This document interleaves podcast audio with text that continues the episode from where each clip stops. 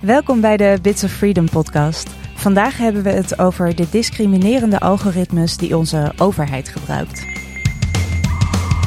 Geen datalekken, achterbakse tracking, geen bizarre wetten, gewoon geen wereldvreemde shit voor het wereldwijde web. Wil jij weten wat er speelt rondom het internet? De gemeente Rotterdam gebruikte jarenlang een ingewikkeld algoritme om te voorspellen wie van de tienduizenden bijstandsgerechtigden zou kunnen knoeien met zijn of haar uitkering. Zo bleek uit onderzoek van Follow the Money. Een algoritme dat zich voedde met vooroordelen en met indicatoren die kunnen leiden tot discriminatie. En waar de meest kwetsbare groepen uitrolden als mogelijke verdachten. Voornamelijk vrouwen die niet goed Nederlands spreken, jonge alleenstaande moeders, mensen met financiële problemen. Tijdens controles werden mensen met recht op een uitkering nauwkeurig onder de loep genomen, terwijl daar geen enkele andere aanleiding voor was dan iemand die op jou lijkt is misschien in het verleden de fout ingegaan. Het is natuurlijk niet het eerste algoritme dat de Nederlandse overheid gebruikt om te discrimineren en te stigmatiseren. En het zal ook niet het laatste zijn als we het gebruik van dit soort algoritmes geen halt toeroepen. Dit moet echt anders. Nu er een Europees wetsvoorstel voor kunstmatige intelligentie ligt, is dit het moment om er echt voor te zorgen dat dit soort onrecht zich nooit meer kan herhalen. Ik ga erover in gesprek met onze jurist en beleidsmedewerker Nadia Benaisa. Hoi Nadia. Hoi. En onze technisch onderzoeker Joran van Apeldoorn. Hi Joran. Hey, hey. En natuurlijk met onze directeur Evelyn Austin. Hoi. Hallo Inge.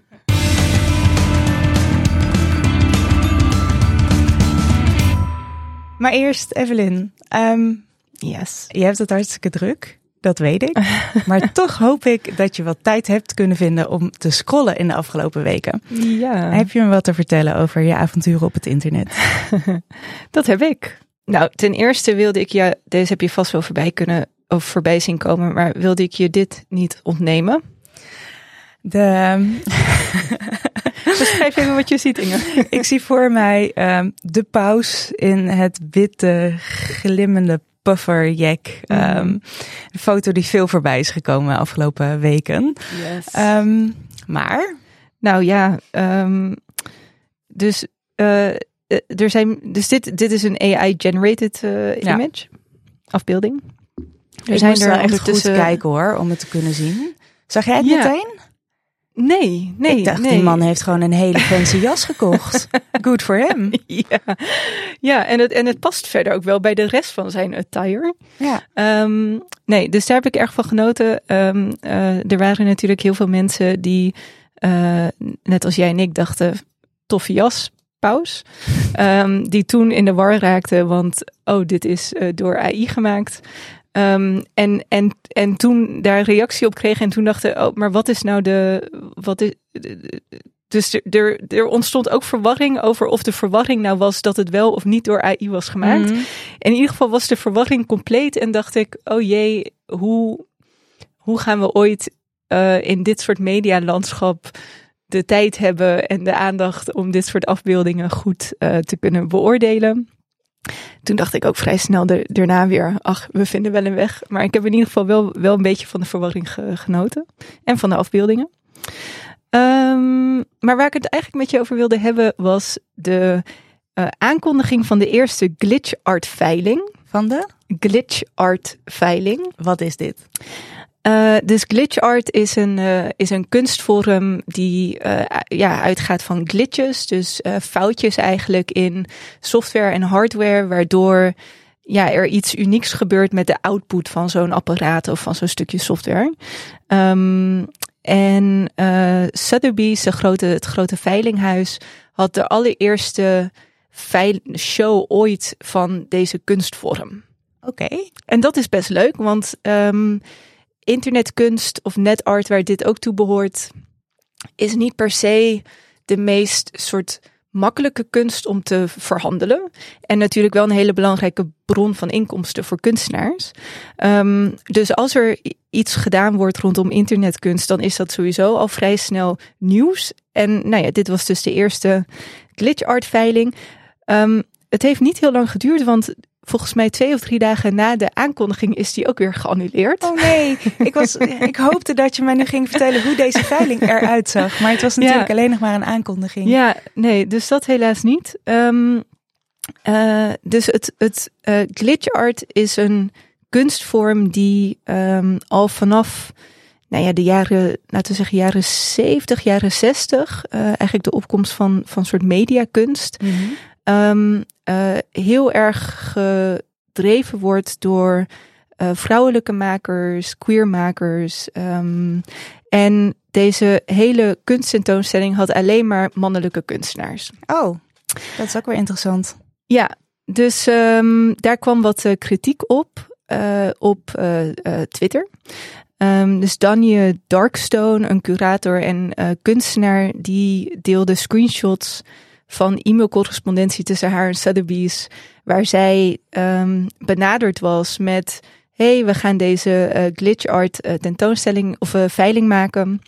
Ehm, kunnen we je daar een keer over spreken? Want je hebt zoveel kennis over dit veld. Toen heeft zij gereageerd en gezegd: Nou, fantastisch. Bedoel je om mijn kunst daar onderdeel van te laten zijn? Of wil je mijn consultancy inhuren vanuit mijn rol als curator? Eh, en toen zei de, ehm, de coördinator van die sale, die zei, eh, nee, eigenlijk, we hebben de hele tentoonstelling al eh, samengesteld. Ehm, en we hebben op dit moment geen fees voor curators. We willen je gewoon heel graag spreken. Nou, en toen, toen heeft zij gezegd, volgens mij heeft ze, volgens, volgens mij heeft ze nog een keer geprobeerd om dan te vertellen dat zij als consultant ingehuurd kan worden, maar dat daar een prijskaartje aan hangt. Nou, dus dat werd gedeeld. Eh, tegelijkertijd ongeveer trok Rosa Menkman, dat is een Nederlandse Mhm. kunstenaar, die trok eh, ten Twitter, ten Twitters. Want het opmerkelijke was, eh Sotheby's had in de uitleg van de tentoonstelling of van de veiling ehm, een stukje geschreven over wat is glitch art nu en wat, waarom is het belangrijk. En bij die beschrijving hadden ze ter illustratie een kunstwerk van Rosa gebruikt. En zij zit niet in de veiling. Nope. Wauw. Ehm, en ook zonder dat met haar te overleggen. Oké. Ehm, nou, dus eh, eh, en, en Rosa Mengman is ehm, nou, Nederlands, zoals je de naam eh, misschien doet vermoeden. Maar ook een soort van een van de bekendste glitch-kunstenaars. Een curator, iemand die al eh, decennia, denk ik, of in ieder geval tien jaar, ehm, eh, ook eh, theoretisch onderzoek doet. Ehm, nou, Sotheby's wist dat, want ze zetten het wel pontificaal op een website om mensen naar die veiling te trekken. Maar haar dan onderdeel maken van die veiling, dat hebben ze nagelaten. Nou, en op een gegeven moment heeft een van die kunstenaars heeft zich teruggetrokken en daarna heeft Sotheby's besloten, misschien moeten we dit anders aanpakken. En heeft deze kunstenaar zich teruggetrokken, zeg maar, vanwege de Ja. rumoer Ja. die er om was en zei, dit klopt inderdaad niet? Ja, klopt. Ehm, ja, dat heeft hij gedaan. En het grappige was dat de, het eerste dat vervolgens over deze hele ophef eh, eh, geschreven is, alleen maar inzoomde op zijn bijdrage daar. Dit is weer zo typisch. En het feit dat dit soort van helemaal eh, ter sprake was gebracht eh, door ehm, eh, drie of vier vrouwen, dat, dat was weer uit de geschiedenisboeken verdwenen. Ehm, eh, wat ik er ook heel interessant aan vond was, ehm, dit, is, dit is idealiter hoe je, hoe je Twitter gebruikt. Als in, hier is een groep eh, mensen die ehm, heel vaak ondervertegenwoordigd is. Ehm, en niet zelf de geïnstitutionaliseerde kanalen heeft, zoals een Sotheby's, om ehm, eh, met een groot publiek te praten. Die trekt vervolgens naar Twitter en zorgt dan toch dat zo'n instituut eh, van koers verandert. En ik vond het heel mooi, ergens wordt Rosa geïnterviewd en dan zegt zij... ehm, kijk, je hebt Sotheby's helemaal niet nodig om zo'n eh, veld zoals glitch art te duiden. Dat is, dat is niet aan hun. Maar op het moment dat zij wel zo'n veiling organiseren, en ook voor de eerste keer, hebben ze wel een bepaalde verantwoordelijkheid. Ehm, ja, en ik zag daarin ook wel veel parallellen naar ons werk op platforms en eh, de verantwoordelijkheid die je hebt als, he- als hele grote partij. Ja. Ehm, ja, Super interessant. Leuke meltdown was het, uh, ja, afgelopen paar weken. Dankjewel uh, voor het delen. We zullen een paar linkjes uh, hierover in de show notes zetten, ja. zodat mensen ook nog even na kunnen lezen wat er nou precies gebeurd is. En yes. misschien ook een linkje naar Rosa's werk. Laten we dat doen.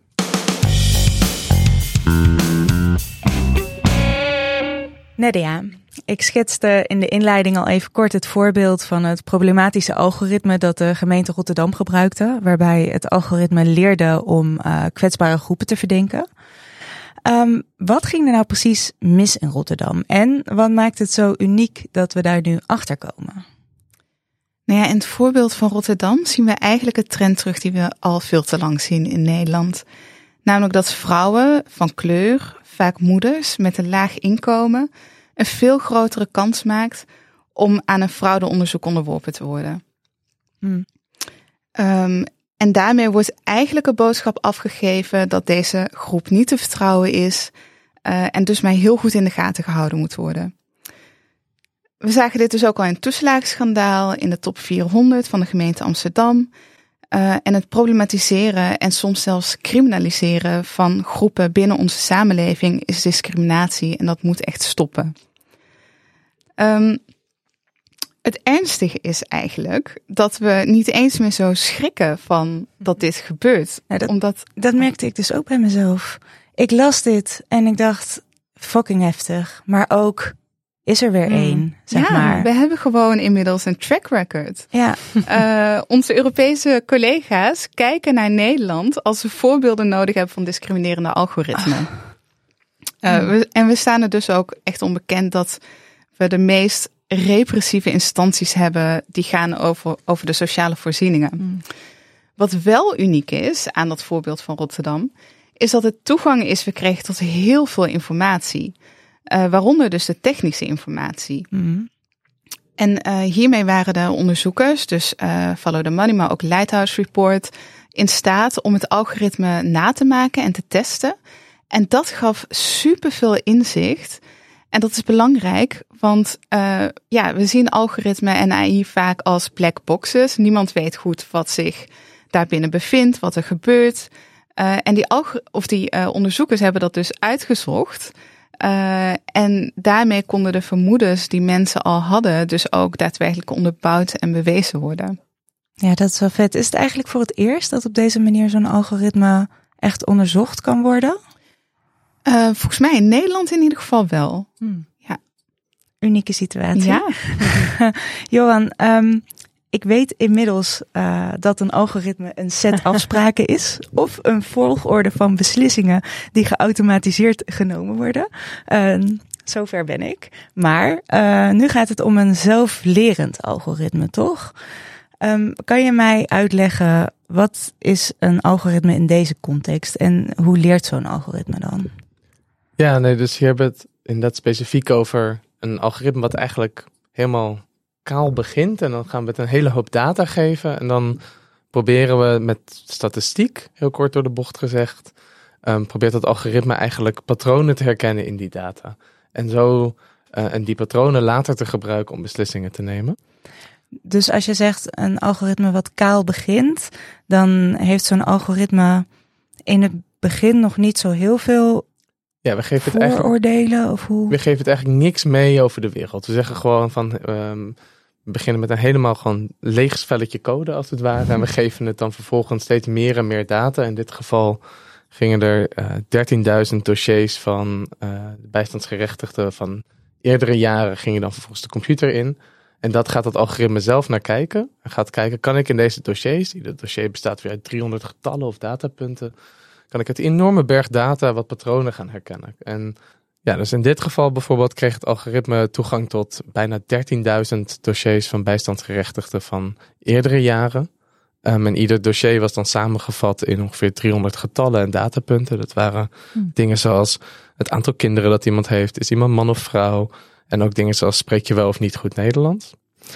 En um, uit die enorme berg data ga je dan proberen patronen te herkennen van, oh, nou, uh, mannen doen vaker dit of vrouwen doen vaker dat. Of jonge mensen vallen vaker in die categorie. Maar ook veel ingewikkeldere patronen die echt een combinatie zijn van een hele hoop van die dingen. Um, En de hoop is dan eigenlijk dat je eerst gaat het algoritme proberen te leren om die data die al bekend is, waarin bekend is van, oh deze persoon bleek uiteindelijk opgepakt te zijn voor fraude, dat dat goed te voorspellen is. Dus wat we al weten. En dan hebben we de hoop, fingers crossed, dat dat in de toekomst toevallig ook werkt. Dus we weten natuurlijk, kunnen alleen maar testen met data die we al hebben. Dat is het verleden. En dan gaan we dat proberen te gebruiken om in te schatten ehm, ja, in de toekomst of iemand fraude zou gaan plegen. Omdat ze misschien lijken op iemand die in het verleden dat heeft gedaan. Ah ja, dus je hebt een leeg vel, dan komt daar heel veel data bij. Eh, dan gaat het algoritme leren of bedenken wat er dan in die data zit. Ja. Vervolgens ga je dan kijken, oh ja, klopt wat het algoritme nu doet, zeg maar, op het verleden. Mhm. En daarmee ga je kijken naar de toekomst. Ja, Vat ik het zo goed samen? dat is denk ik goed samengevat. En dat leren moet je ook echt. Dat is eh, niet een manier waarop mensen leren. Dus dat zijn. Dat algoritme heeft in dit geval 500 regeltjes geleerd. En dat zijn hele ingewikkelde regeltjes zoals vrouwen zonder kinderen met minder dan zes recente adressen die meer dan 206 dagen samen zijn met hun partner. Wauw. Dat is een vinkje wat je kan krijgen. Dit is zo specifiek. En daar zijn er 500 van geleerd. En sommige daarvan dragen positief bij in je risicoscore en sommige negatief. En dat is ook allemaal weer gewogen en geleerd. En dan komt er uiteindelijk een getalletje uit. En dat is het getalletje wat de ambtenaar te zien krijgt. En dit is dus ook veel te veel voor mensen om ooit door te lopen. Zijn dit redelijke regeltjes? Hoe gaan die allemaal met elkaar samenwerken? Dus het is echt alleen iets wat zo'n computer een beetje ja, overzicht kan hebben. En uiteindelijk komt er gewoon een getal uit. Ja, dus er zitten heel veel regels in een computer. En eigenlijk weet je dan als mens, als ambtenaar, maar dus ook als eh, degene van wie al die data zomaar in zo'n machine zitten, helemaal niet meer wat er nou precies gebeurt. Dat Nee. overzicht is weg. Nee, het enige wat je kan, misschien kan zien is van ja, hoe goed deed het het op het, de data uit het verleden. Dat is een beetje de, de maat die wordt genomen. Is het dan zo dat als je inderdaad kunt repliceren met een algoritme dat er dezelfde eh, output uitrolt als in het verleden is gebeurd, betekent dat dan ook dat de beslissing of het proces dat het algoritme heeft door, doorlopen of de logica die daarin zit, dat die klopt? Nee, nee, natuurlijk niet. Het kan, het kan per ongeluk een eh, patronen vinden die er Mm. helemaal niet zijn. Het kan ook toevallig heel goed werken op de inputdata, maar niet op de trainingsdata die je hebt Mm. gebruikt om te, te trainen en te, te laten leren, maar misschien niet op de toekomst. Ehm, Mm. Ja. Maar ja, en zelfs, maar als het natuurlijk heel goed werkt, kan je het wel gaan. Is het de hoop dat je het kan gaan gebruiken voor iets en dat het misschien indicatie kan geven. Maar ja, ehm, daar gaan we het zo volgens mij ook nog meer over hebben. Dat dat in sommige gevallen misschien kan, maar in andere gevallen wel Hmm. gevaarlijke kantjes heeft. Ja, het klinkt voor mij nu al een soort vindt van het nu al duister. grote red flag van eh, eh, niet doen. Omdat er, het, het klinkt nu al zoveel variabelen waar je Mm. gewoon geen overzicht over kan hebben. Mm. En jullie kennen mij, ik hou nou eenmaal erg van eh, overzicht en controle. Dat lijkt me gewoon belangrijk dat je dat als mens in de hand houdt. Nedia, jij houdt je bezig eigenlijk ehm, met wat er gebeurt op het moment dat dit soort technologie in onze samenleving wordt geïntroduceerd. Kan je daar iets over zeggen? Ja, Joran had het eigenlijk al over die patronen die uit data gehaald worden. Nou, bij Bits of Freedom hebben we het ook heel graag over het verhaal van die data. Wat, wat vertellen die data nou eigenlijk? Want eh, al die cijfers en statistieken die gebruikt worden, eh, bijvoorbeeld voor algoritmen, die, die hebben een context. Ehm, maar er wordt eigenlijk heel weinig over die context gesproken. Ehm, eh, en ze laten altijd maar een heel klein deel van de, van de werkelijkheid zien. En nooit de verschillende lagen en de complexiteit van die werkelijkheid. Nou, in de vorige podcast hadden we het bijvoorbeeld over criminaliteitscijfers en de eh, representatie van, van verschillende groepen daarin. Ehm, en wat die cijfers die daarover gaan er dan niet bij vertellen, is dat we bij de Nederlandse politie al heel lang een probleem hebben met racisme en eh, etnisch profileren. Dus als de politie zich eh, heel lang focust op mensen van kleur, dan is de kans ook groter dat die mensen eerder vertegenwoordigd eh, zijn in criminaliteitscijfers. En dat hoeft dus niet te betekenen dat die mensen ook eerder crimineel gedrag vertonen dan anderen. Nou ja, en die loophole zien we eigenlijk heel vaak. In onze eh, maatschappij worden bepaalde groepen oneerlijk en ongelijk behandeld. Uh, en vervolgens is dat zichtbaar in die cijfers en statistieken, maar nemen we geen moeite om die cijfers en statistieken goed te interpreteren, um, rekening houdend met de onderliggende problematiek. Uh, en als we die data dan vervolgens gaan gebruiken in algoritmen, uh, dan zijn we die problemen aan het herhalen. En in potentie zelfs de problemen uh, erger en onzichtbaarder aan het maken. Maar dat vind ik er dus ook zo, nou ja, kwalijk aan. Dus we weten dat die data niet neutraal zijn. We weten dat dat uh, nou ja, uit bepaalde datasets komt. Um, en toch wordt het gebruikt om dit soort algoritmes te trainen. Ja, dus steeds meer mensen hebben door dat de samenleving uh, en de cijfers die daaruit voortkomen uh, veel complexer zijn dan in eerste instantie gedacht. Ook data scientists zijn zich daar steeds meer van bewust. Maar vervolgens zeggen ze, ja, maar wij kunnen die problemen niet oplossen. Maar er is wel een belofte gedaan om met efficiënte en uh, effectieve algoritmen te komen. Dus blijven mensen belachelijke uh, modellen bouwen. Um, en anderen nemen die vervolgens af, omdat ze hardnekkig willen blijven vasthouden aan een belofte die gewoon niet realistisch is. Uh, en het wordt echt tijd dat we daarmee gaan ophouden en dat we de complexiteit van onze samenleving op sociaal, economisch, historisch, juridisch vlak, dat we dat gaan omarmen. Sommige dingen zijn gewoon niet simpel. uh, en blijven vasthouden aan een illusie dat het opsporen van fraude met sociale voorzieningen kan met een algoritme, heeft echt desastreuze gevolgen voor de bestaanszekerheid van mensen. Dit hmm. gaat over mensen die hun huur moeten betalen om onderdak te blijven hebben. Dit gaat over mensen die brood moeten kunnen kopen, waarmee hun kinderen s ochtends voordat ze naar school gaan kunnen ontbijten. Er is al zoveel armoede in Nederland. En in plaats van dat dat tegengegaan wordt, maakt de overheid het erger door geld te investeren in algoritmen die niet doen wat ze zouden moeten doen. Ja, en waarvan ze dus eigenlijk ook al van tevoren weten dat ze dit niet gaan doen. Dus er is een soort hoop van, nou laten we dit daar maar bouwen en dan, mm. dan gaat het werken. Maar ergens weten ze ook al, dit gaat het gewoon niet worden. Blijven vasthouden aan een valse belofte. Ja, en jij zegt nog, uh, mensen doen de moeite niet om, uh, om die cijfers juist te interpreteren. Ik vind dat best een gulle analyse nog. um, ik, ik, ik las uh, onlangs ook ergens, dat, volgens mij ging dat ook over criminaliteitscijfers. Um, uh, dat daar altijd heel veel focus is op uh, de migratieachtergrond van met name jongeren. Maar als je, en, en dat als je naar um, migratieachtergrond of niet kijkt, dat, dat er dan een soort oververtegenwoordiging is van jongeren met een migratieachtergrond. Maar als je uh, de, de hele grotezelfde groep van mensen, um, als je daarin zou kijken naar um, inkomen, um, dan is uh, de groep jongeren met een migratieachtergrond juist weer ondervertegenwoordigd in de criminaliteitscijfers. dus het is ook een. Ik zou zeggen, er is, er is iets meer aan de hand dan niet de moeite doen om iets te interpreteren. Er is ook een keuze om bepaalde groepen oververtegenwoordigd te laten zijn. Ja, en ik denk dat dat, dat dus eigenlijk het probleem is. We, we willen niet.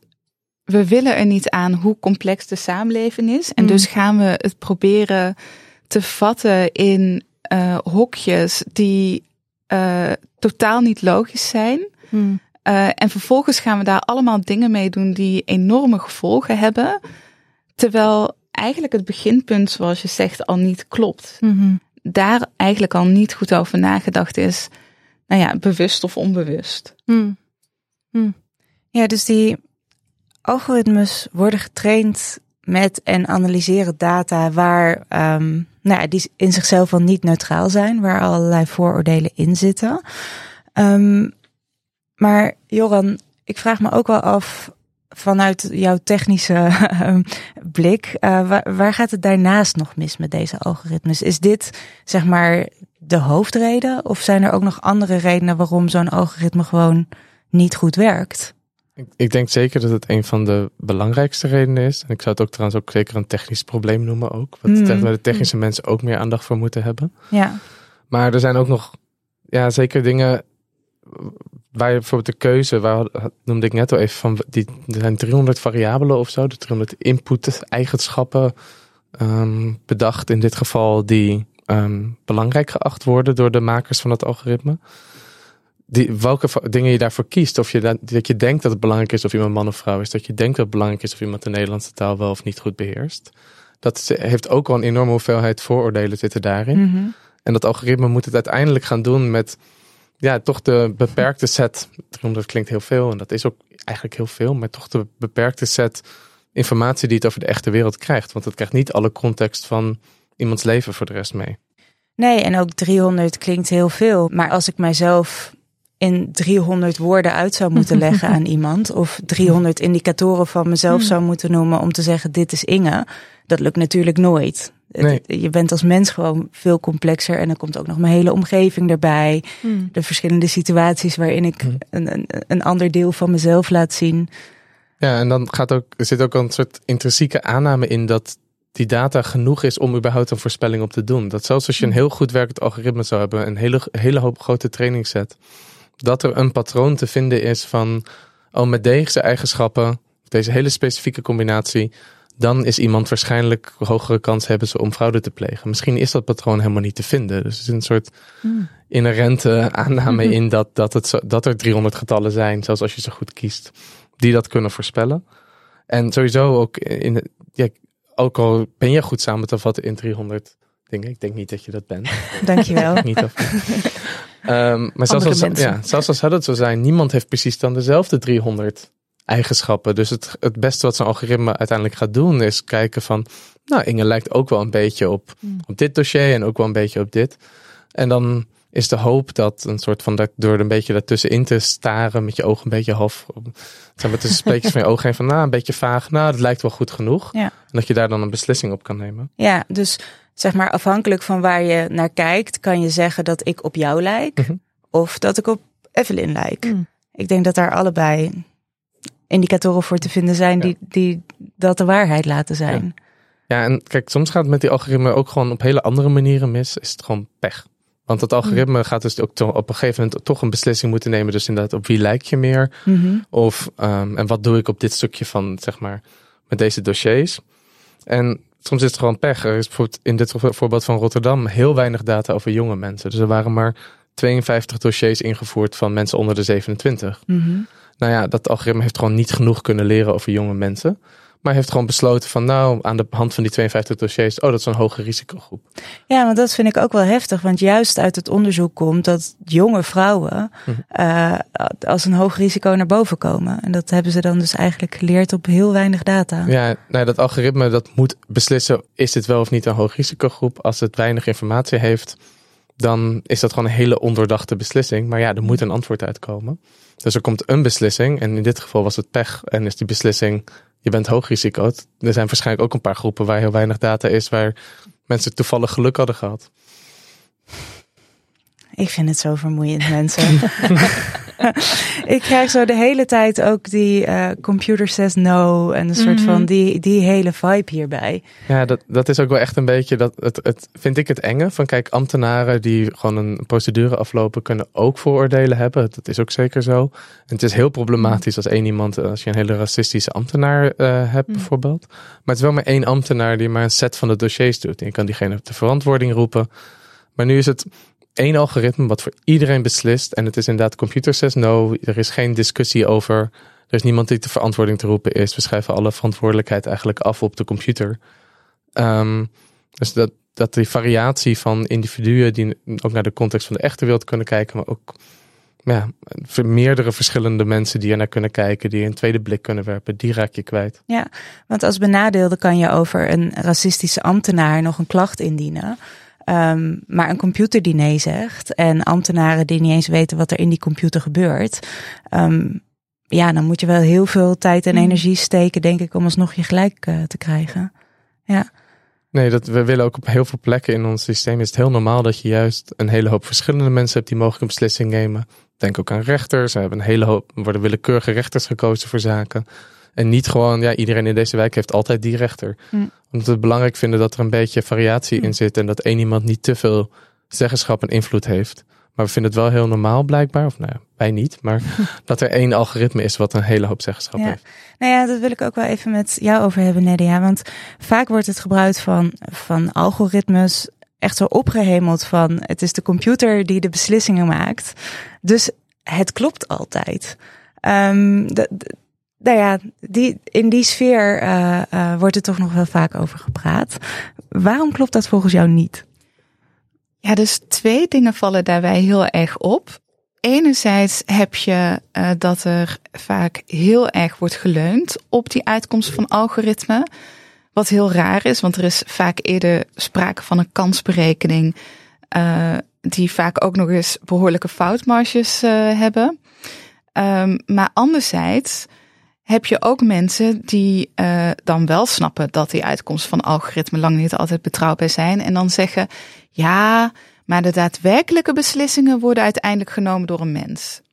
Maar dat is gewoon niet waar. Uh, dus in het geval van uh, de gemeente Rotterdam maakte het algoritme wel degelijk een beslissing of iemand onderzoeksvaardig uh, is. En mensen die volgens dat algoritme niet als zodanig bestempeld werden, die hadden echt een hele kleine kans dat ze onderzocht werden. Terwijl de bijvoorbeeld vrouwen die geselecteerd werden, um, dan wel onderzocht werden en dan bijvoorbeeld vragen kregen als ja, waarom neem je contant geld op als je boodschappen doet? Nou, zei die vrouw dan, omdat ik naar de markt ging en ik daar niet kon pinnen. Of uh, waar komt die bijschrijving van 17 euro vandaan? Nou, omdat ik op Marktplaats een spelletje verkocht had. Dus dat is aan zich al behoorlijk ingrijpend. Uh, en vervolgens zijn natuurlijk ook andere beslissingen die dan door mensen genomen worden. Bijvoorbeeld of iemand uh, haar uitkering mag behouden. Maar die wordt dus wel degelijk behoorlijk beïnvloed. Ja, want je staat op die lijst omdat die uit de computer is komen rollen. Ja. En de mens beslist dan wie uit deze lijst kies exact. ik. Maar je had überhaupt niet op die lijst moeten komen. Mm. En het zijn ook zulke. Dus ik, ik noemde het al even in het begin, maar die controles zijn ook zo op de cent en op de millimeter waar je dan ingestort ja, wordt. Het is zo ingrijpend. Ik vind het echt heel heftig. Ja. Um, er komt nu een AI-verordening aan. um, wat houdt die verordening precies in? De grote oplossing. Ja. gaat, gaat dit ons redden, Nadia? Oh, de AI-verordening is wetgeving die in Europa moet bepalen hoe er met kunstmatige intelligentie uh, moet worden omgegaan, de ontwikkeling en ook het gebruiken van. Uh, een van de belangrijkste doelen van die wetgeving is uh, dat mensenrechten uh, beschermd worden. Nou, voordat we daar zijn, hebben we echt nog een hele weg te gaan. Um, maar momenteel heeft de commissie in haar voorstel wel een verbod opgenomen op bijvoorbeeld social scoring. Um, waarbij overheden uh, geen AI mogen gebruiken om iemands betrouwbaarheid in te schatten op basis van sociaal gedrag. Mm -hmm. Alleen hierbij wordt dus heel vaak gedacht aan Chinese toestanden. Uh, waarbij mensen straf- of bonuspunten krijgen uh, bij wat de overheid definieert als uh, slecht of goed gedrag. Maar ja, hoe zit het dan met Europese of Nederlandse toestanden? wij vragen ons heel erg af of we daar ook beschermd tegen zullen zijn of een algoritme zoals dat gebruikt is door de gemeente Rotterdam daar ook onder zullen vallen. Nou ja, of dat zo zal zijn, zal heel erg afhangen van de onderhandelingen. Uh, en de uiteindelijke tekst. Uh, en we zitten nog midden in dat proces op dit moment. Maar zo'n algoritme zoals in Rotterdam gebruikt is, mm. dat, dat kan je toch als social scoring zien. Dit, het gebeurt niet met de gehele maatschappij, maar het gebeurt mm. gewoon met een groot deel van ja, de maatschappij. Dit is het type social scoring dat we uh, in Nederland eigenlijk al heel veel zien. Mm. Bij de toeslagenaffaire uh, speelde dit, bij het toeslagenschandaal speelde dit. Bij de top 400 zou je dat ook zo kunnen zeggen. Um, uh, dus er wordt eigenlijk steeds gekeken, niet zozeer naar je eigen sociale gedrag, maar het sociale gedrag van mensen die enigszins uh, op je zouden moeten lijken. Mm -hmm. um, en vervolgens wordt, wordt dat dan aan je toegekend, soort van, nog voordat je misschien iets verkeerds hebt gedaan. Um, en wordt je betrouwbaarheid bijvoorbeeld uh, ingeschaald. Het is ergens nog erger dan, dan in China misschien, want je weet het niet. Ja, het is, dus je hebt er niet eens invloed Hmm. uh, op. Dus als je, Hmm. ik geloof een, een bekend voorbeeld in, um, eh, China is dat als je schulden hebt gemaakt, waar je ook niet altijd overigens iets aan ka- kan doen, Mm. maar dat zijn dan je eigen schulden, dat je dan vervolgens geen hypotheek zou kunnen afsluiten. Mm. Op basis van de score die je dan wordt toegekend. Maar hier zou het betekenen, als mensen die op jou lijken schulden hebben gemaakt, dan zou jij Ja. geen hypotheek kunnen afsluiten. Dat is, ja, dat is is, ook een bizar. hele rare vorm van sociale controle levert het ook op. Tenminste, Ik, ik kan me voorstellen dat als je, als je score wordt bepaald door je familie of je vrienden, dat je elkaar dan nog een soort van kan aanspreken. Lijkt me overigens niet ideaal, maar, maar, maar hier is het, moet je dus op zoek gaan naar mensen die op jou lijken en dan onderling gaan. Was China know. communistisch of was Europa? Ja, of echt het algoritme hacken van, oh ik ga verhuizen, want dan heb ik een betere postcode. En dan, eh, Ja, ja. ja, maar als je dan nog steeds voldoet aan Mm. kenmerken waar je mee geboren bent, dan kun je je postcodegebied Ja. ontvluchten, maar word je gehand door al je andere indicatoren. Ja, en zie maar eens te verhuizen. Als je in de bijstand zit, een jonge moeder Ja. bent die niet heel goed Nederlands spreekt. Het is natuurlijk het, Met een woning niet aan te ontkomen. Uh, Ja. Erbovenop. ja. Hey, die AI-verordening waar we het over hadden. ehm, je geeft al aan dat het heel erg afhangt van de onderhandelingen en hoe eh, dingen in de uiteindelijke tekst eh, terechtkomen. Zijn er nog andere dingen waar het voor jou op hangt of dit, eh, of dit gaat helpen of niet? Ja, dus waar wij heel erg op aandringen is transparantie, controleerbaarheid en uitlegbaarheid. Het is echt essentieel om te weten waarom een beslissing is gemaakt en waarop die gebaseerd is, als je je daartegen wil kunnen verweren. Nou, dat onderzoek van Lighthouse Report en eh, Follow the Money eh, naar dat algoritme voor Rotterdam heeft, eh, heeft het nut en noodzaak daarvan echt onderstreept. Zonder goede wil van de gemeente Rotterdam Hmm. was het maar de vraag of, of ze hadden kunnen afdwingen dat die stukken openbaar gemaakt hadden moeten worden. Terwijl wat ons betreft dat het uitgangspunt zou moeten zijn. Eh, net als dat eh, ambtenaren de beslissingen die ze maken eh, over mensen moeten kunnen motiveren op een begrijpelijke manier, moet dat ook gelden voor geautomatiseerde beslissingen. En als we die garantie niet hebben, bijvoorbeeld omdat het technisch te ingewikkeld is, ja, dan moeten die algoritmen ook gewoon niet worden ingezet. Hey, en nu zijn we dan een beetje van de eh, goede wil van de gemeente Rotterdam afhankelijk geweest om hè, hier allemaal inzicht in te krijgen. Onlangs is ook het algoritmeregister eh, geïntroduceerd, waar door overheden gepubliceerde gegevens over hun algoritmes in één plek doorzoekbaar moeten zijn. Gaat dit register hierin helpen? Kunnen we straks bij elke gemeente kijken, maar hoe benadelen zij deze groepen? Of gaat het op die manier inzichtelijk worden? Eh, het register kan daarbij helpen. Eh, maar dat kan alleen als er zinnige informatie in wordt gezet. eh, en als dat register ook wordt bijgehouden. En als dat register verplicht wordt. Dus de gemeente Amsterdam was heel, heel voortvarend als een van de eerste begonnen met zo'n register. En nu blijkt dat het register helemaal niet goed is bijgehouden. eh, en dat het merendeel van de algoritme er niet eens in staat. Nou, dan is er nu ook een algoritmeregister voor de hele overheid. Maar die is nog niet verplicht. En heel veel relevante informatie staat er niet in, wordt gewoon niet ingevuld. Eh, bijvoorbeeld antwoord op de vraag: ja, op grond van welke wet mag de gemeente die taak eigenlijk uitvoeren? Eh, of is er een mensenrechten impact assessment gedaan? Eh, nou, al dat soort relevante informatie ontbreekt. En dan krijg je dus eigenlijk schijntransparantie. Je zou er als burger uh, vanuit moeten kunnen gaan dat als de overheid zoiets in het leven roept, dat het dan ook goed gedaan wordt.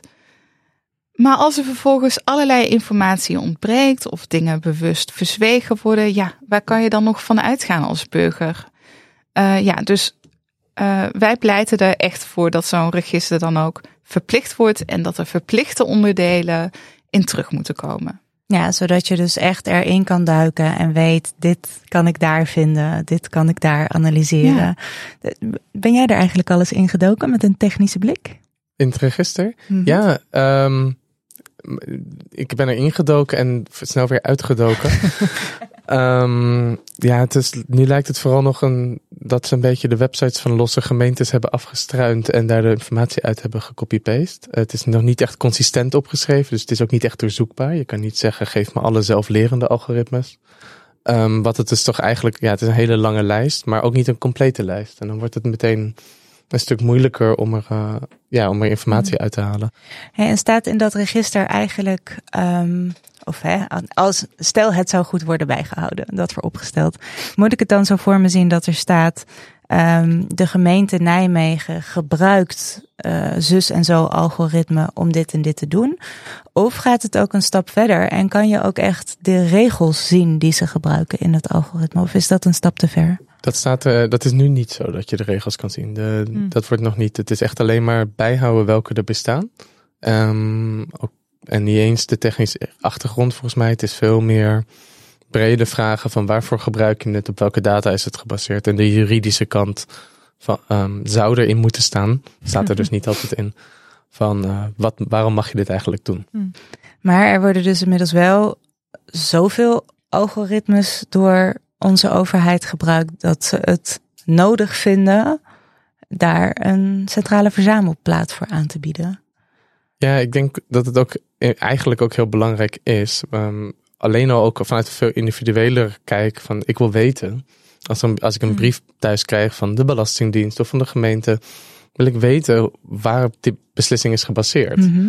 En dan, als, ik niet door, als ik niet kan opzoeken, hey, is dit nou eigenlijk door een algoritme besloten? Dan kan ik ook niet gaan kijken of dat algoritme wel eerlijk is. Dus daarom is ook die compleetheid zo belangrijk. Dat je, je moet als burger niet het onzekerheid hebben, is dit nou door een mens gedaan of door een computer? Ah ja. Ja, dus daarin zou het dan kunnen helpen dat als ik een beslissing krijg, bijvoorbeeld over een toeslag waar ik wel of geen recht op heb, dat je daar dan in kan zoeken wie heeft überhaupt deze beslissing gemaakt. Ja, ik denk dat het een goede eerste stap zou zijn. En dan is de hoop ook. Het is nu dus nog ook een beetje onduidelijk of er een soort inzagerecht is in ook de meer hmm. technische documenten. Maar ja, dat als wij dan een signaal krijgen van hé, hey, er gebeurt iets raars dat ik dan uh, kan gaan bellen van, um, hey, kunnen jullie eens een keer dat algoritme openbaar maken? Want ik wil eigenlijk wel kijken waar jullie mee bezig zijn. En dan waarschijnlijk krijg je te horen van, nou, nou, nou. maar dan uh, dat we eenmaal bij ons werk. Het gebeurt dus best wel veel, uh, al die algoritmes. Veel meer nog dan, uh, nou ja, de schandalen die nu af en toe aan de oppervlakte komen drijven. Um, ik ben eigenlijk wel benieuwd hoe jij er naar kijkt, Johan. Is het ontwikkelen van dit soort algoritmes, is het technisch mogelijk om dit goed te doen? Zeg maar, kunnen, kunnen we een eerlijk, een eerlijk zelflerend algoritme hebben dat inderdaad de juiste beslissingen maakt en of die terugdraait als het onterecht is? Kan het? Ik denk dat het heel erg afhangt van waar je het doet. Je moet altijd los de inschatting maken. Dus ik denk, als we het over in de setting waar we het nu over hebben, of eigenlijk iedere plek waar je mensen probeert terug te brengen tot een set cijfers, en vervolgens wel een hele grote beslissingen over hun leven gaat maken, dan moeten er gewoon enorme alarmbellen gaan rinkelen dat daar iets misgaat. Maar ja, als het gaat over het misschien wanneer gaan we de vuilniswagen laten rijden, kan dat iets efficiënter. Is er misschien iets voor te zeggen dat het weer wat. Het hangt er vanaf. Het kan ook hele grote impact hebben op mensen hun leven mm. trouwens. Maar um, dus ik, ik denk dat er zeker. Dat we het niet helemaal in één keer hoeven af te schrijven. Maar zodra je dus op dit soort manieren over iemands leven gaat beslissen, dan um, is het echt heel belangrijk dat er een mens is, dat er een herroepingsrecht is eigenlijk, dat het uitlegbaar is, dat het begrijpbaar is. Dat, mm. um, dat is dan geen luxe, dat moet. En dat is nu moeilijk te doen met de technologie die we nu hebben. Ja, dus eigenlijk hier ook een, uh, een, een oproep aan de ontwikkelaren van, van dit soort algoritmes of degene die het bedenken. Een, een, een mens is super complex. Hmm. Probeer het niet zo plat te slaan. Dat, dat hmm. hoorde ik jou net uh, ook zeggen, Nedia. Um, wat moet er volgens jou echt gebeuren om burgers nu te beschermen tegen dit soort algoritmes en eigenlijk het onrecht dat daar ook uit voortkomt? Nou, de overheid moet wat ons betreft nu echt ophouden met dit soort profilerende algoritmen. Zeker wanneer het gaat om de bestaanszekerheid van mensen. Dit is zo enorm ingrijpend. Hoe vaak moet het nog misgaan voordat men eindelijk snapt dat we dit niet meer zo moeten doen? We kunnen dingen wel ongekend onrecht gaan noemen, Maar als vervolgens elders vergelijkbare praktijken uh, plaatsvinden, dan is het helemaal niet zo ongekend. Dus we moeten echt ophouden met het inzetten van technologie om kwetsbare mensen met een laag inkomen te criminaliseren. Nou, wij pleiten er dus echt voor dat onder andere in die wetgeving, uh, die gaat over kunstmatige intelligentie in, uh, in Europa, dat mensenrechten daar echt goed worden beschermd. Uh, en, en niet door middel van de slappe poging die de commissie heeft gedaan, maar we zetten ons echt in om dat steviger te krijgen. en daarbij moet in ieder geval ook die transparantie, maar bijvoorbeeld ook een mensenrechtentoets terugkomen. Want um, nou ja, dat zijn wel echte beginselen om als burger je te überhaupt al te kunnen verzetten tegen een beslissing die geautomatiseerd genomen is. Ik vroeg me af, want uh, we zitten hier natuurlijk heel uh, een beetje neerslachtig. Nadia, jij bent al jaren bezig met de AI-verordening. Jeetje, nu je dat zo zegt. Erg, hè? dus zo meteen vrolijk je op. Nee, dat is niet waar. Nee, ik, ik, ik vroeg me af, heb je hoop dat uh, de AI-verordening iets gaat betekenen in het leven van mensen? Nog even los van wat de Bits Freedom, Freedom Party-lijn is. Al jij als individu. Ja, ik heb, ik heb die hoop zeker. Het gaat absoluut veel betekenen. Alleen al om het feit dat er nu helemaal geen regelgeving is um, die er nu wel komt. Er wordt heel veel geregeld. Mijn aarzeling zit hem vooral in. Nou ja, als je dan die goede voornemens van de Europese Commissie leest, we moeten mensenrechten gaan beschermen, een ecosystem of trust allemaal mooie woorden. En dan krijg je artikel 1. En daar is dan de marktlobby aan het woord, lijkt wel. En de commissie hmm. lijkt naar de achtergrond uh, verschoven te zijn. Hmm. Um, dus het, het gaat vervolgens vooral heel erg over marktwerking. En uh, nou ja, wat het bedrijfsleven nodig heeft. En de, de burger raakt veel meer op de achtergrond. Hmm. We zouden hier vrolijk van worden, toch? Maar jij had eh, hoop, zei je. positive note, als ik dan zie hoe we samen met enorm veel Europese collega's en ook Europese parlementsleden uh, aan het pleiten zijn voor mhm. betere bescherming, heel concreet, waar moet het staan, wat moet erin terugkomen, wat hebben we nodig en waarom. Uh, en dat, nou ja, dat er ook echt wat aan het bewegen is. Mm Bijvoorbeeld, nou ja, in dat voorstel werd transparantie voor het gemak mij helemaal overgeslagen. Oh, wow. Uh, terwijl dat een van de belangrijkste uh, uh, argumenten is waarom we problemen hebben met, mm. met kunstmatige intelligentie. De black boxes. Computer says no, but why? Mm -hmm. Ik bedoel, daar gaat het al jaren over. En de commissie slaat het maar even over. En nu zien we dat dat wel degelijk steeds meer terugkomt. Uh, en hopelijk ook een plek gaat krijgen uh, in de AI-verordening. En als dat hmm. nou met meer uh, rechten gaat gebeuren waar burgers echt wat aan gaan hebben, nou dan wordt het misschien zelfs nog wel een hele mooie oh. verordening. misschien, wellicht, wie weet.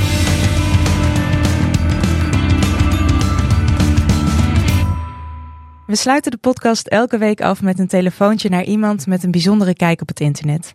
Deze week is dat Lieven Heremans over niet-visuele internetcultuur.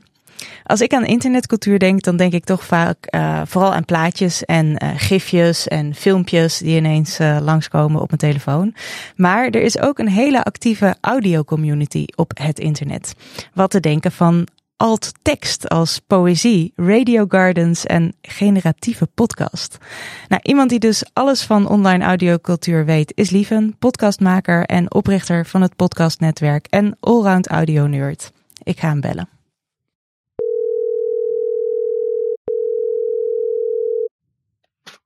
Hallo, hallo. Hoi Lieve, met Inge. Lieve, wat is het audio-equivalent van een gifje?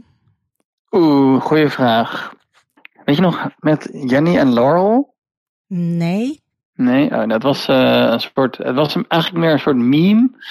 Uh, waarbij ja, op, op, het moment dat je luisterde, eigenlijk twee dingen tegelijkertijd kon horen. Het was mhm. net als met die uh, gouden en blauwe jurk, maar dan ja? in audio. Ja, die jurk dat is, ken ik wel. Dat het dichtbij komt. Okay. Ja, nou, daar was dus ook een audioversie van. Dat heette Jenny en Laurel. Mm -hmm. En dat kan je wel even opzoeken. Mm -hmm. um, maar dat is niet per se een gifje, maar het was wel iets wat zichzelf de hele tijd herhaalde. Dus daar moet ik Daarom moet ik ook een beetje aan een gifje denken. Ja, precies. En dan was het, want er begint me iets te dagen, dat je dan het ene of het andere kon horen, toch? Terwijl je een woord las. Precies. Ja, Ja. ja, ja. Ja. Oké, oké. Vet. Dus eigenlijk is dit een voorbeeld van eh, niet-visuele internetcultuur. Want als we aan internetcultuur denken, althans ik, denk ik toch meestal aan plaatjes of filmpjes of dat soort dingen. Mhm. Jij cureert een avond over die niet-visuele eh, eh, internetcultuur voor de HUM. En ik vroeg me af wat eigenlijk het vetste is dat je bent tegengekomen tijdens het maken van dat programma. Ja, wat nu heel erg cool is natuurlijk, zijn alle dingen die met AI gebeuren. Dus dat je dingen ja, heel realistisch iemand gewoon een stem kan kopiëren. Ja, en die kan die inzetten voor allerlei verschillende doeleinden. Mhm. Ehm, dat, is, dat is heel actueel. Maar er zijn ook gewoon heel leuke projecten. eh, zoals eh, Listen to Wikipedia, waarbij je hoort hoe Wikipedia live zeg maar, aangepast wordt. En dan is Wikipedia ineens een soort van orkestje. Wat vet, want ik ken wel van Wikipedia zeg maar de achterkant, waar je dan eigenlijk de edits kan zien. Maar hier, dat is Mhm. daar een audioversie van, begrijp ik dat goed? Nee, je hoort gewoon wat er wordt aangepast op Wikipedia. Dus afhankelijk van wat voor soort geluid je hoort, ja, hoor, hoor je dat er iets anders is. Dus bijvoorbeeld als er een nieuwe gebruiker komt, hoor je oh, en als er een kleine edit en een footnote is, dan is het pling. Eh, en dat gebeurt gewoon live, dus ja, dan hoor je wat er op Wikipedia wordt aangepast. Wat vet. Oké, dit ga ik sowieso even opzoeken. Kan, ik, kan, ik, kan je dit gewoon zelf op het internet vinden? Of is dit eh, de, de, de ergens ja, als eh, je listen to Wikipedia zoekt, dan, eh, dan staat dat gewoon ergens. Dan kan je het lekker aanzetten. Cool. Nou, die link zetten we sowieso ook even in de show notes, want dan kunnen mensen hier zelf ook van genieten. Ik vroeg me eigenlijk af, wat maakt voor jou audiocultuur op het internet anders dan de visuele internetcultuur? Behalve dan dat we het, nou ja, niet kunnen zien. Ja, het is wel. Nou, sowieso heb je een hele specifieke doelgroep voor mensen die niet kunnen zien. Dat leidt aan op wat jij zei. Maar ik denk dat het ook. Ja, er zijn gewoon. Als je het even los ziet van wat, voor, wat mensen allemaal doen met muziek op het internet. En dat is natuurlijk huge. Mhm. Dan, ja, podcast is een heel groot onderdeel daarvan. En ehm, ja, dat, dat is gewoon zo'n grote wereld. Waar iedereen ook aan meedoet. En ja, ik luister heel veel podcasts die ik via de radio nooit had kunnen horen. Mhm. Dus dat is gewoon een hele nieuwe influx aan stemmen, verhalen en ideeën die je allemaal kan ervaren. Maar ja, op deze avond wordt het eigenlijk nog veel breder getrokken. Zoals bijvoorbeeld met dat Listen to Wikipedia. Mhm. Eh, dat is gewoon een heel geestig eh veraudialisering van wat op internet gebeurt. Ja, want eh, je hebt het al even over die avond. Op 19 april ehm, heb je dus een hele avond over ehm, audiocultuur, eh, of in ieder geval niet visuele internetcultuur, eh, gecureerd in de Tolhuistuin in Amsterdam. Ehm, hoe moet ik dit voor me zien? Hoe, wat gaan we meemaken? Ja, niet zien dus. het wordt een eh audiostream. ja. Eh, we hebben, ja, normaal is het wel echt met een videostream. eh, maar we hebben ervoor gekozen om die deze keer uit te zetten. Dus het is echt alleen een audiostream. En het is een hybride evenement, dus je kan er in persoon bij zijn in het Tolhuistuin. Daar zijn wat sprekers, maar er zijn ook sprekers die online eh intunen. En luisteraars kunnen dat dus ook doen van over de hele wereld. En normaliter doen we dat met een soort pecha kucha. Dus dan gaat de presentatie automatisch. En moeten de sprekers dus met hun presentatie meespreken, zeg maar. En dat dus vijf minuten per persoon. Nu is het nog steeds vijf minuten per persoon, maar hebben we niet die slideshow. Dus moeten we op een andere manier de sprekers gaan motiveren om op tijd klaar te zijn met hun verhaaltje. Hmm. Hoe dat gaat werken, dat houden we nog even geheim. Maar het is dus vooral luisteren en niet zien. Hey, je noemde net al eventjes het Listen to Wikipedia. Kan je nog een, eh, een klein tipje van de sluier oplichten van wat we nog meer kunnen verwachten die avond? Ja, ik had vanochtend nog een gesprekje met eh Catharina Smets. Zij is eh, audiomaker uit België. En zij heeft nu een PhD geschreven over ehm, ja, de rol van de ik-persoon en ethiek daarvan in audioverhalen. Eh, dus dat hoor je bij podcast heel vaak, dat de maker zelf ook een grote rol speelt in het verhaal. Ehm, en zij heeft wat voorbeelden van en ja, mensen die dat heel expliciet doen en mensen die zichzelf juist helemaal weghalen. Eh, en heeft daar een interessant eh, idee over. Daar ben ik heel benieuwd naar. Cool? Ja, heel cool. ik, eh, ik kijk er zelf heel erg naar uit. Ik denk dat ik bij de audiostream ga zijn, maar misschien sluit ik ook wel gewoon even aan in de Tolhuistuin. In ieder geval bedankt dat je er even over wilde vertellen. Graag gedaan.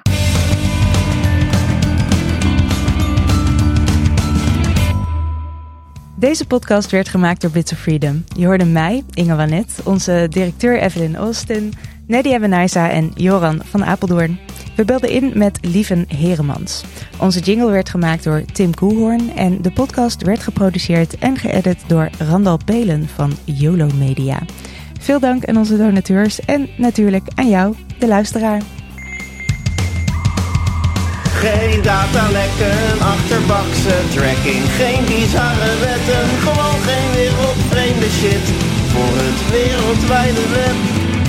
Wil jij weten wat er speelt rondom het internet?